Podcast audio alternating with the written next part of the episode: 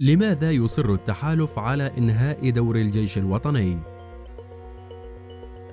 فيما يزداد ضغط المسلحين الحوثيين على مدينة مأرب من الجهة الجنوبية تتسارع الخطوات التي ترعاها السعودية على ما يبدو من أجل استدعاء القوات التي أنشئت على هامش الحرب كتشكيلات بأسماء متعددة وأجندات مختلفة وربما متناقضة لتحل محل الجيش الوطني في مواجهة الحوثيين اضطر المقاتلون في مديرية جبل مراد لإخلاء المديرية ما سهل دخول المسلحين الحوثيين إليها والسبب يعود إلى أن الجيش الوطني ومقاتلي القبائل لا يريدون أن يواجهوا مصيرا كالذي واجهه مقاتلو مديرية العبدية الذين تركوا خلال شهر من الحصار بدون إمدادات من أسلحة أو ذخيرة أو طعام. فيما تعرض أبناء العبدية لأزمة إنسانية حادة ولم تلتفت إليهم الأمم المتحدة إلا بعد أن دخل الحوثيون إلى المديرية حينها قام منسق الأمم المتحدة للشؤون الإنسانية بزيارة المنطقة برفقة قيادي حوثي. التخلي عن الجيش الوطني على وجه التحديد وجزء كبير من مقاتلي القبائل الذين يعتقد التحالف أنهم يقاتلون بهوية حزبية أي تحت راية حزب الإصلاح. هي سياسة ثابتة لدى التحالف ويبدو أن هذا التحالف يدفع بهذا الجيش وسنده القبلي إلى خسارة المعركة والاستسلام في لحظة فارقة. تبدو فيها هذه الحرب إنجازا مستحقا لإيران نالته بإمكانيات السعودية وآلتها الحربية وسوء نواياها تجاه من جاءت اليمن لتحارب باسمهم. لهذا لم يكن غريبا أن تغادر القوات الإماراتية معسكر العلم وهو أحد معسكرين كانت هذه القوات تحتفظ بهما ضدا على رغبة السلطة المحلية والشرعية. وأن يأتي إخلاء المعسكر بالتزامن مع الضغط العسكري على كل شبوة ومأرب. وليس هذا فحسب بل إنها تركت ما يكفي من الأسلحة بيد قوات محلية انفصالية لكي تفجر صراعا مسلحا. لحسن الحظ حسمته القوات المسلحة الشرعية خلال خمس ساعات فقط واستعادت المعسكر من هؤلاء الانفصاليين. المعلومات المؤكدة تشير إلى أن لحظة التغيير الشامل في بنية المواجهة العسكرية قد بدأت باستدعاء ثلاثة من ألوية العمالقة من الساحل الغربي والتي تضم في قوامها مقاتلين سلفيين بتركز مناطقي واضح. إذ ينتمي معظمهم إلى مناطق الضالع ويافع وردفان وبعض المناطق الجنوبية الأخرى.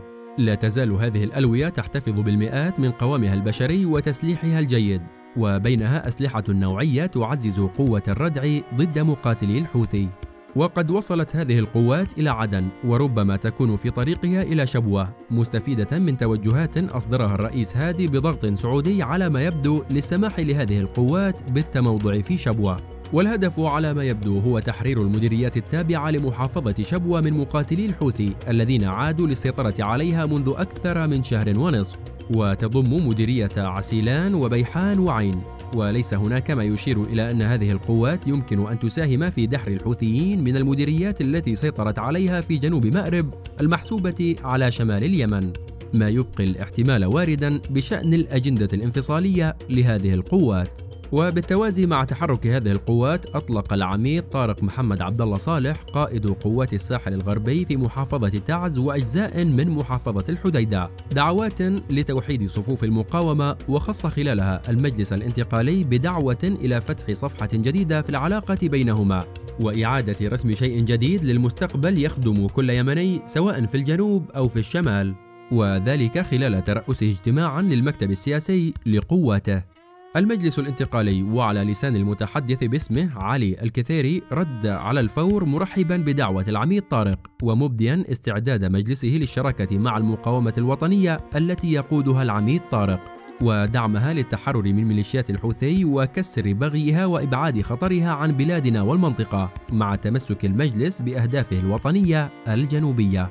تبدو اللافتة التي ترفعها الجماعات المحسوبة على السعودية والإمارات مثيرة للاهتمام، فهي تتجه نحو تسويق معركة محتملة قد تخوضها هذه الجماعات موحدة ضد الحوثيين، لكن بعد أن يتأكد الجميع من أن الجيش الوطني التابع للشرعية خسر المعركة في مأرب لصالح الحوثيين لا سمح الله، وهو أمر لا يزال بعيد المنال على ضوء الإنجاز العسكري المهم الذي حققه هذا الجيش على مدى أكثر من عام ونصف وحال دون تقدم الحوثيين من الناحية الشمالية وتكبيدهم خسائر فادحة تحولت معها مأرب إلى محرقة حقيقية لمقاتلي هذه الجماعة الإرهابية.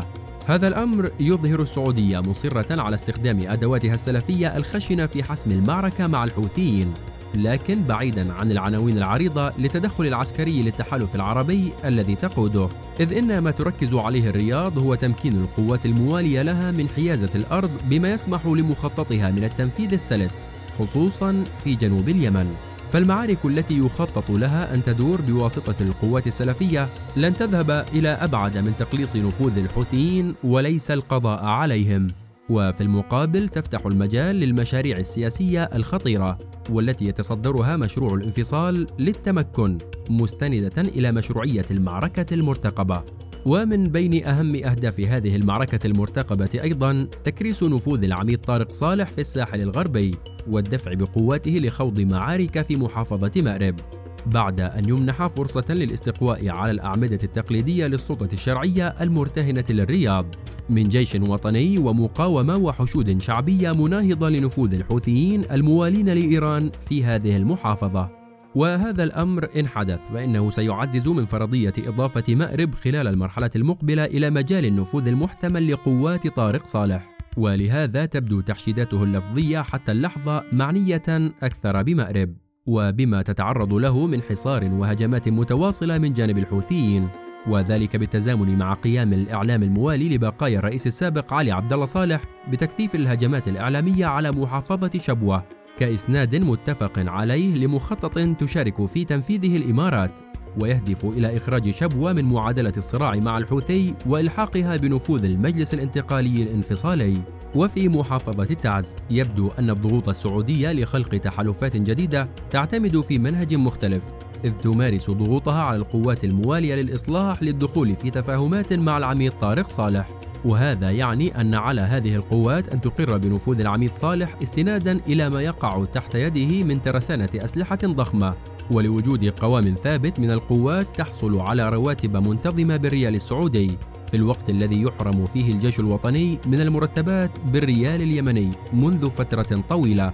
ولعل الهدف الأساسي من هذه التفاهمات هو تحييد محافظة تعز الجمهورية الوحدوية في مرحلة تقرير المصير النهائي للمعركة وإعادة توزيع المكاسب بحيث لا تستطيع الكتلة السكانية الكبيرة لهذه المحافظة وقوامها المقاتل من جيش ومقاومة والذي أثبت كفاءته الحربية خلال السنوات الماضية القيام بأي دور من شأنه تعطيل المخططات الخطيرة للتحالف.